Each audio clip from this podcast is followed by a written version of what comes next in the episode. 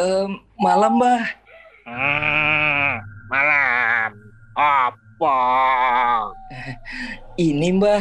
Saya mau diramal. Bisa nggak, Mbah? Hmm, ramal. Hmm, hmm. Bisa, bisa, bisa, bisa, bisa. Sini, mana tangan kamu? Mana, mana? Ombele kete kete pret. Kemelet. Waduh. hmm, aku punya kabar baik dan juga kabar buruk. Hmm, kamu mau dengar yang mana dulu? Saya maunya kabar baiknya dulu deh, Mbah. Ah, Oke, oke, oke, oke, oke. Kamu akan bertemu seorang gadis cantik. Dia akan tertarik padamu dan ingin mengetahui segala sesuatu tentang dirimu. Nah, dia ingin kamu terbuka padanya dan memberikan hatimu padanya. Wah, hebat, Mbah. Tapi kabar buruknya apa, Mbah? Ya, kamu ketemu dia ya di dalam mimpi.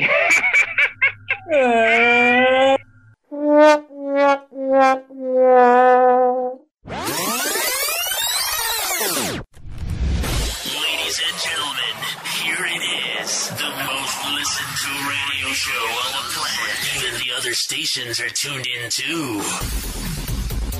Wiba Podcast Wiba, waktu Indonesia bagian asuransi.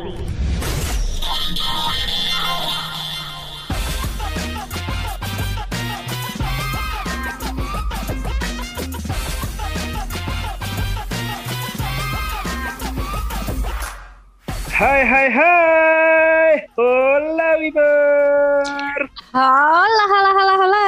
Aloha. Balik lagi di Wiba, waktu Indonesia bagian asuransi. Yuhui, ngobrol asuransi secara ringan tapi berbobot. Dan kali ini kita ada di podcast Wiba bukan Gibah episode ke 37. 37 Episode Wiba terbaru rilis setiap hari Sabtu jam 17.30 waktu Indonesia Barat Dan tentunya kamu bisa dengerin di mana aja dan kapan aja Mm-mm. Dan kamu bisa dengerin Wiba Podcast melalui platform Spotify, Anchor, dan juga Apple Podcast. Dan Wibers, pastiin kalau kamu dengerin podcast kita sampai selesai ya. Biar info yang kamu dapetin itu lebih lengkap dan jangan lupa untuk share dengan keluarga atau teman-teman kamu. Jangan lupa juga untuk follow, like, dan komen di akun Instagram kami at wiba.podcast. Nah guys, kan di bulan-bulan kemarin itu kita banyak yang ngobrolinnya itu di luar asuransi ya. Kemarin kita ngobrolin mengenai eh, Valentine. Emang sih ada asuransinya bener nggak? Ada yang kita obrolin kan di Valentine kemarin tentang asuransi. Terus ada yang Mengenai Imlek, Imlek. Imlek, Imlek. Imlek. Ya benar Imlek. Terus sebelumnya Special edition. Natal, Natal dan juga tahun baru kan set eh, apa namanya set ready set Goal go. setting, yes Benar. betul. Nah, kemarin ada yang nanya ke gue nih, kok udah jarang ngobrolin asuransi ya, gitu. Dan juga ada yang nanya ke gue, ini sebenarnya kalau asuransi itu hanya sistemnya itu agensi aja, gitu. Gimana nih kalau kita ngebahas channel distribusi asuransi di episode kali ini? Gimana? Setuju. Boleh banget itu Mas Dik. Aku setuju. Oke, nah berhubung kita mau ngobrolin eh, channel distribusi asuransi jiwa, gue mau nanya dulu nih, sebenarnya channel asuransi itu banyak gak sih atau cuman agensi doang? Banyak dong Mas Dika. Mungkin banyak ya dek ya. Mungkin banyak sih uh, orang yang mengira jalur distribusi asuransi ya lewat agen gitu, lewat Hmm. perorangan. Tapi ternyata nggak hanya itu aja loh. Ternyata banyak banget. Contohnya ada yang channelnya uh, bank assurance, jadi ada Hmm. kerjasama antara bank dan juga asuransi nih. Betul. Terus ada luga, eh ada luga lagi kan. ada juga yang jalur distribusinya tuh uh, grup. Nah, jadi kayak uh, oh, sebuah apa ya? Kesehatan buat karyawan ya. Yes, buat karyawan Iya. gitu. Jadi memang ada jalur distribusi seperti itu dan sebenarnya masih banyak lagi nih ada jalur-jalur distribusi yang lainnya. Kayaknya asik ya kalau semuanya kita ngebahas satu persatu mengenai channel distribusi ini untuk uh, di bulan ini gitu ya di episode Iya, iya Oke. Mas Dik. Gimana kalau kita mulai di channel distribusi agency? Boleh banget karena itu kayaknya basic ya. Mungkin semua orang pasti ngerti nih. Seorang Benar. pasti agen asuransi nih yang jualan asuransi. Iya kan? Ah, bener, gitu. betul, betul, betul. Nah, berhubung kita mau ngobrolin channel distribusi asuransi jiwa ini melalui agensi. Nah, kebetulan nih kita udah kedatangan satu orang wibalogis yang expert banget di bidang agensi, ya, di bidang agensi dan eh, sudah malam melintang lah di dunia perasuransian. Kita, gua, gua, gua bawa bawa seseorang yang luar biasa pastinya buat teman-teman di sini. Eh, kita sudah kedatangan seorang head of agency ya, Bapak Nurmansyah Sulaiman. Hai Pak, apa kabar? Kabar baik. Halo Pak. Pak Nurman, boleh ini nggak Pak? Boleh perkenalkan diri Bapak siapa sih sebenarnya Pak Nurmansyah Sulaiman ini? Eh, Hai Wibers, Eh, nama saya Nurmansyah Soleman atau biasa dipanggil Norman aja juga cukup ya. Eh, Bukan Norman kalau- Ungu ya Pak ya? Band Ada ya Norman itu? Ungu ya? Ada. Waduh. Ada Pak, eh, Saya- drummernya ya kalau nggak salah. Ya benar. Se- Sebenarnya saya memang eh, sejak beberapa saat lalu saya bisa dipanggil Norman Ungu sih. Kalau Anda lihat cari Instagram saya latar belakangnya ungu sekarang. Oh gitu. Oh iya iya. Oke. So baiklah. ada apa kan dengan warna ungu ya? Ada apa Jadi dengan kepo saya. Sudah berapa lama Pak di uh, uh, dunia asuransi jiwa Pak? Eh, saya tuh pertama kali kenal asuransi jiwa, Hmm. artinya berkecimpung ya eh, sebagai profesi itu tahun eh, 97 Wah, ya. Pak. itu pertama kali nyemplung ya, Nyemplung. pertama kali nyemplung lah ke dalam dunia industri asuransi. Tapi eh, kalau ngomong percaya sang eh, tidak, saya eh, secara sukarela. Oh. Eh, dan mungkin kasus yang jarang lah kalau waktu itu seperti kejadian itu. Dan mungkin disuruh ngulang belum tentu saya berani Oh, ya. gitu ya. Tapi waktu itu langsung. Iya eh, menyemplungkan diri, tidak ada yang merekrut dan benar-benar eh, saya menyemplungkan diri sendiri gitu. Oh, berarti tahun 97 dan sekarang posisi Bapak di suatu perusahaan asuransi jiwa apa nih Pak? Ya, eh, saya sekarang eh, masuk ke dalam manajemen eh, perusahaan asuransi jiwa. Sebenarnya sejak 2005. Jadi Hmm. sebelumnya saya berkarir sebagai seorang agen asuransi, sebagai seorang tenaga pemasar lah ya. Ya. Sebagai seorang tenaga pemasar, meniti karir di sana sampai puncak, kemudian satu dan lain hal akhirnya saya masuk ke dalam manajemen asuransi yang mengurus eh, para agen asuransi dan sejak 2005 sampai sekarang ya saya terus di manajemen eh, di tingkat manajemen di beberapa perusahaan asuransi lah. Hmm, dan sekarang posisinya adalah seorang head of agency ya Pak ya? Ya eh, eh, sebutannya macam-macam ya Macam-macam ya? perusahaan berbeda-beda. Mm-mm. Ya berbeda-beda. Cuman kadang-kadang secara bercandaan banyak di antara kalangan teman-teman yang bilang posisi kayak kita ini kepala sukunya para agen lah gitu loh. Jenderalnya gitu ya Pak ya, biasanya gitu ngomongnya. Ah, Eh, kalau dibilang jenderal saya lebih suka dipanggil sersan satu tuh. apa itu Pak? Sersan satu apa itu Pak? Sersan satu, sersan satu itu singkatan. Oh Ya, singkatan. Serius tapi santai, tetap sampai tujuan. Oke. Wah luar biasa ya. Keren, keren, keren. Sersan satu. Saya pikirnya udah kayak gimana tuh Pak Sersan satu tadi kan? Iya masa orang bilangnya jenderal nih Pak Norman malah bilangnya sersan satu. Jadi ya mikirnya kok turun banget nih jauh banget turunnya ke sersan satu gitu. Ternyata sersan satu itu adalah serius tapi santai sampai tujuan. Nah di sini teman-teman ada yang mau nanya nggak nih? Ada dong, ada, ada. Gue ya. Silakan. Eh, hai Pak Norman. Eh, semoga Hai. sehat ya Pak ya. Nah Pak Thank mau you. nanya nih, eh, kan mungkin tadi saya Hmm. seperti yang kita obrolin di depan banyak banget nih ya jalur distribusi, distribusi asuransi entah itu bank assurance, eh, grup maupun agency.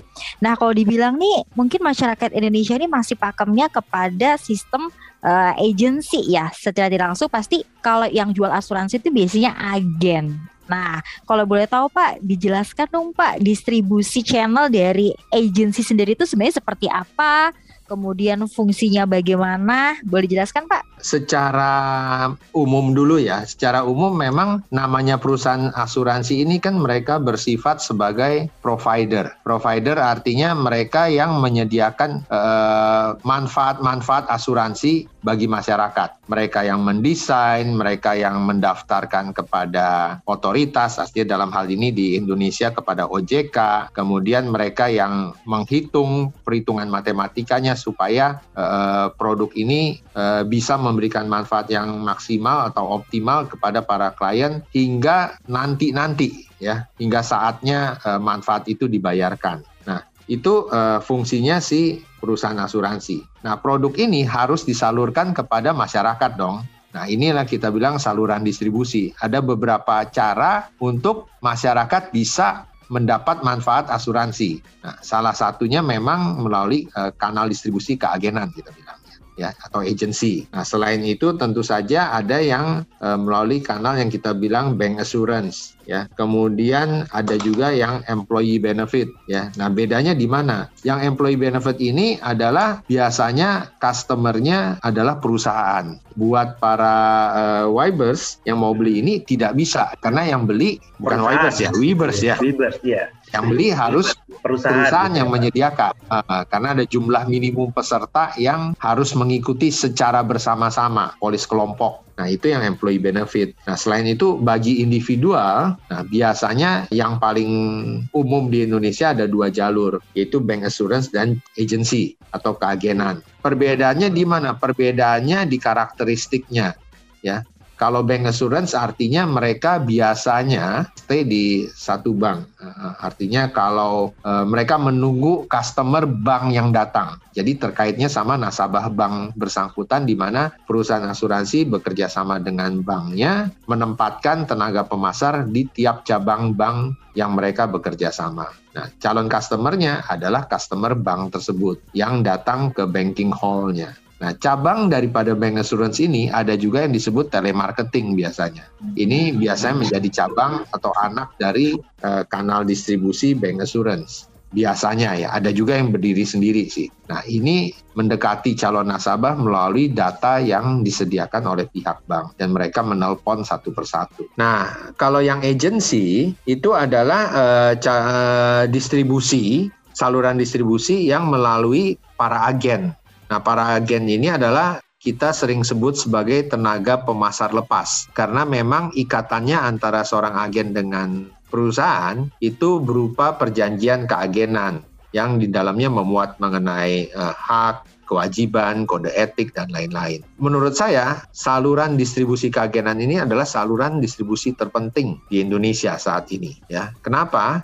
Ya karena masih begitu banyak orang Indonesia yang belum mengerti mengenai asuransi mengenai manfaat asuransi jiwa khususnya. Nah, para agen ini adalah ujung tombaknya karena mereka lah yang bisa melayani para nasabah secara pribadi. Dan para agen ini umumnya itu telah direkrut, diberikan di, uh, di license lah istilahnya uh, harus lulus uh, ujian keagenan dulu memperoleh lisensi kemudian mereka telah dilatih untuk bagaimana mencari kebutuhan nasabah yang melayani kebutuhan nasabah dengan produk-produk tertentu yang dimiliki oleh sebuah perusahaan asuransi. Nah, sehingga pelayanannya ini bisa lebih personalized dan nasabah benar-benar bisa mempunyai waktu interaksi yang lebih luas ya mereka bisa bertanya mereka bisa uh, uh, meminta uh, direncanakan keuangannya di masa depan seperti apa.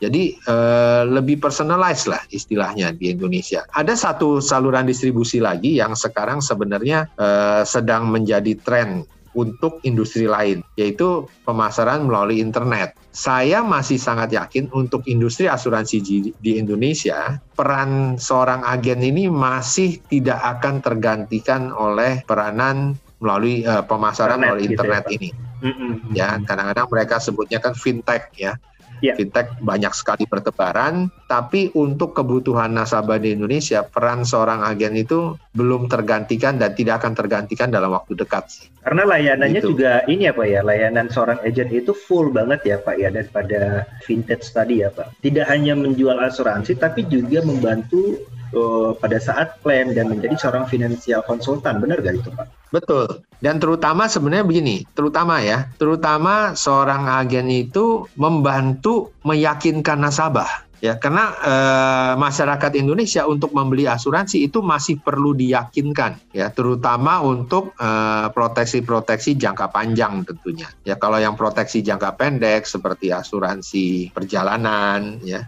itu kan asuransi yang jangka waktunya hanya pendek. Nah itu mungkin mereka bisa ya beli atau mereka bisa mengetahui atau mereka bisa dengan sendirinya mencari seorang agen yang menjualnya atau melalui internet karena mereka memang sadar itu perlu kalau mereka melakukan perjalanan. Covernya biasanya cuma berapa hari selama traveling. Nah mungkin itu masih bisa tanpa bantuan para agen. Tapi kalau untuk perlindungan jangka panjang ya biasanya mereka butuh diyakinkan dan mereka perlu mendapatkan nasihat keuangan dari seseorang yang sudah dilatih khusus untuk itu. Nah kalau tadi kan Bank Insurance itu mereka berkantor di bank-bank itu ya Pak ya. Uh, oh, agent itu kantornya di mana Pak? Apakah mereka juga punya kantor atau seperti apa Pak ya? Nah, uh, kalau kita bicara tentang seorang agen, kita ngobrol ya, kita ngobrol ya santai aja nih. Saya sering uh, mengasumsikan para agen ini sebenarnya seperti pemilik warung franchise. Oke. Okay. Ya, ya, tapi warungnya warung berjalan. Dia bisa buka 24 jam, nggak ada yang larang. Karena itu warung saya sendiri. Tapi saya bawa franchise merek provider di belakang saya. Perusahaan asuransi yang mengeluarkan produknya dan menjamin ke masa depannya. Dia mau buka kapan aja bisa. Itu uh, bedanya gitu loh. Ya dengan uh, seorang uh, tenaga pemasar bank assurance di mana waktu kerjanya sangat terbatas. Waktu kerjanya hanyalah saat kantor bank tersebut dibuka atau kantor cabang bank tersebut terbuka. Nah, pertanyaan kamu kantornya di mana? Kantor seorang agen sebenarnya sangat fleksibel di mana-mana. Memang ada kantor yang disediakan oleh setiap perusahaan untuk para agen itu uh, dilatih atau uh, mendapatkan coaching atau tempat mereka menyelesaikan hal-hal administrasi terkait dengan pengajuan asuransi dan lain-lain. Tapi kantor yang sesungguhnya mereka adalah saat mereka bertemu dengan para calon nasabah dan melayani para calon nasabah ini. Jadi kantornya bisa macam-macam, ya di mana pun itu bisa menjadi kantor. Dulu zaman saya masih menjadi seorang agen, kadang-kadang restoran bisa menjadi kantor saya dan kertas untuk presentasinya bisa-bisa hanya kertas tisu. Jadi di mana pun sebenarnya itu bisa dilakukan selama seorang agen ini paham apa sih fungsinya dia di dunia asuransi ini. Nah itu yang ntar mungkin kita bisa ngobrol lagi. Nah kalau gitu sistem kompensasinya gimana dong Pak di dalam agensi? Oke, nah seperti saya bilang tadi sebutan secara general ya untuk seorang agen terminasinya disebutnya sebagai tenaga pemasar lepas. Artinya mereka ikatannya hanya melalui kontrak perjanjian keagenan dengan sebuah perusahaan asuransi. Kompensasinya itu biasanya berupa komisi ya itu pasti ada di setiap perusahaan asuransi yang menjalankan distribusi keagenan. Jadi eh, kompensasi utamanya adalah komisi. Di luar komisi biasanya ada bonus yang terkait dengan prestasi. Misalnya jika mereka memenuhi target dalam tiga bulan, maka ada bonus tambahan di atas komisi yang sudah pasti mereka dapat. Bonus ini biasanya ada ketentuannya, ada ketentuan targetnya. Kalau itu capai ada tambahan bonusnya lagi. Ada bonus tiga bulanan, ada bonus tahunan, belum juga uh, bonus insentif dan lain-lain. Prinsipnya seorang tenaga pemasar asuransi ini atau tenaga pemasar lepas ini adalah seorang entrepreneur yang bisa mendesain sendiri pendapatannya seperti apa. Apa pun yang kamu mau kita bisa desainkan. Oh, saya mau punya katakanlah income 10 juta sebulan atau 20 juta sebulan atau 50 juta sebulan atau bahkan 100 juta sebulan. Bahkan 1 miliar sebulan. Itu bisa saja selama mereka mau bayar harganya. Bayar harga dalam artinya melakukan aktivitas untuk mengejar om omset tersebut. Omset warung kan tergantung kita. Ada yang cuma buka warungnya 2 jam, ada yang buka warungnya ya udah 8 jam sehari, ada yang buka warungnya 24 jam sehari. Jadi itu bebas-bebas saja. Tergantung mereka punya keinginan, mereka punya ambisi, mereka punya mimpi seperti apa.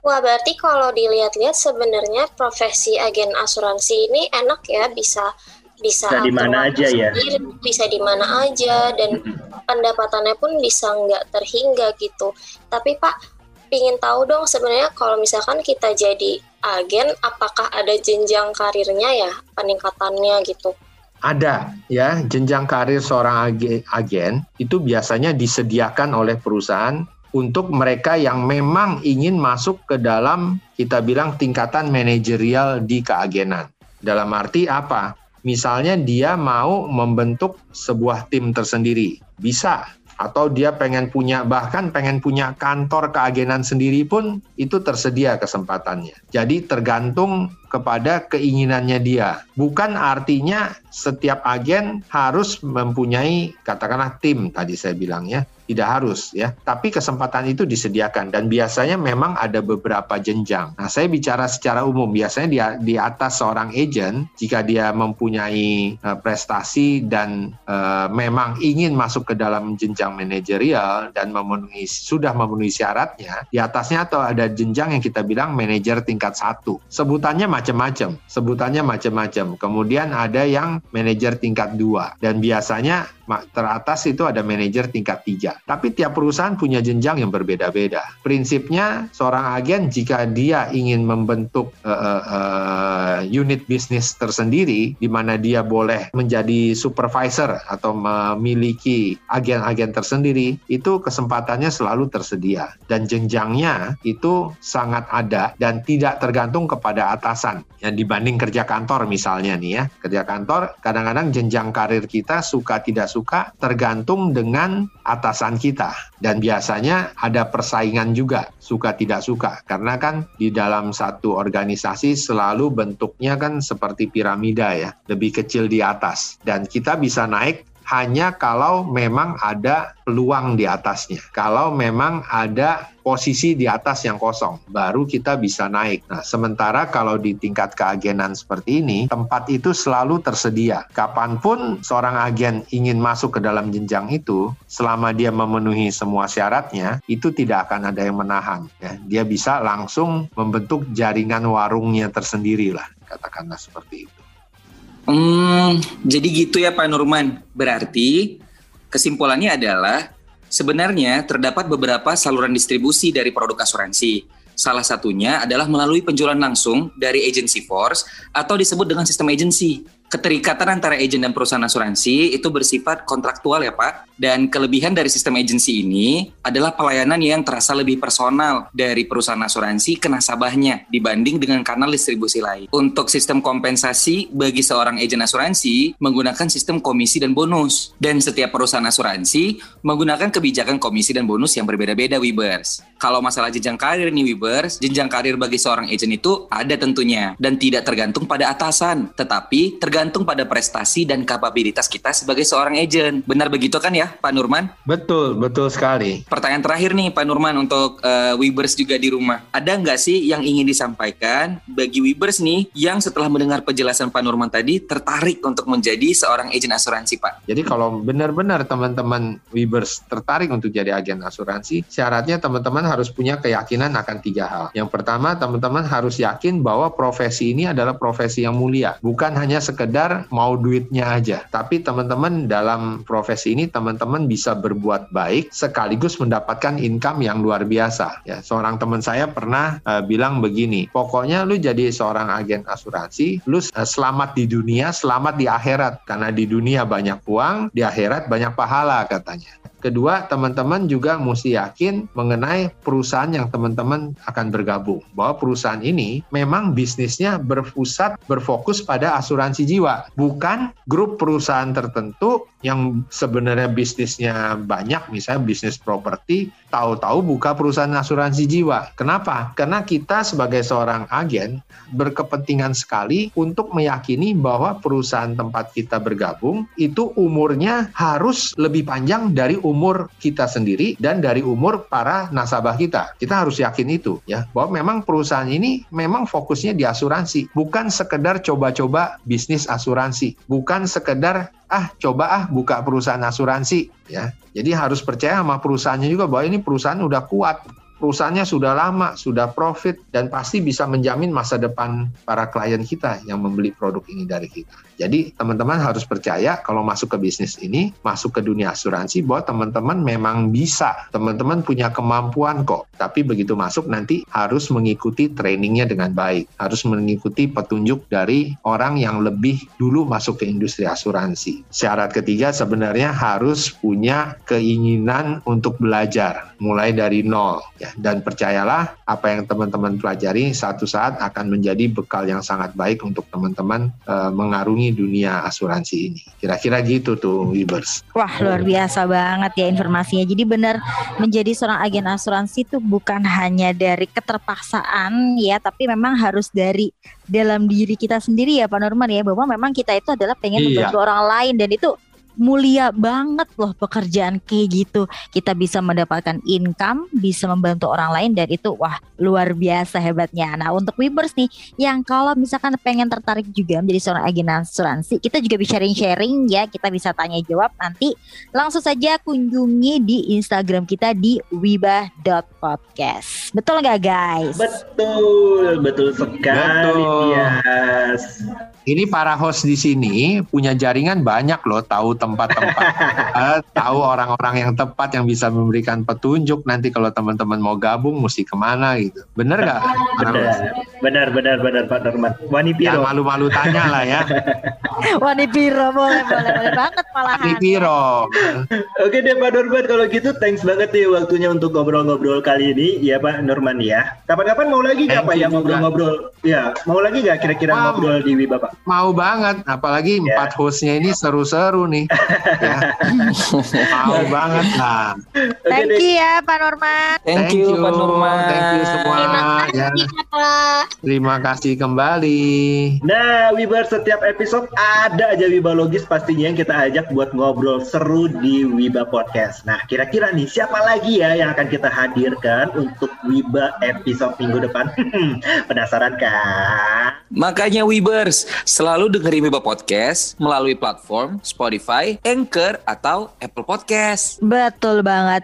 Dan jika menurut kamu podcast ini bermanfaat, bantu kita ya Wibers ya untuk share dengan keluarga atau teman-teman kamu. Terakhir nih Webers yang paling penting jangan lupa untuk follow, like, dan share Instagram kita di wiba.podcast. Rea sign out. Tia sign out. Kifli sign out. Dan Adigato Fado sign out and you ciao. Ciao. Bye. Wibers. Bye bye. Ciao, ciao, ciao, ciao, ciao,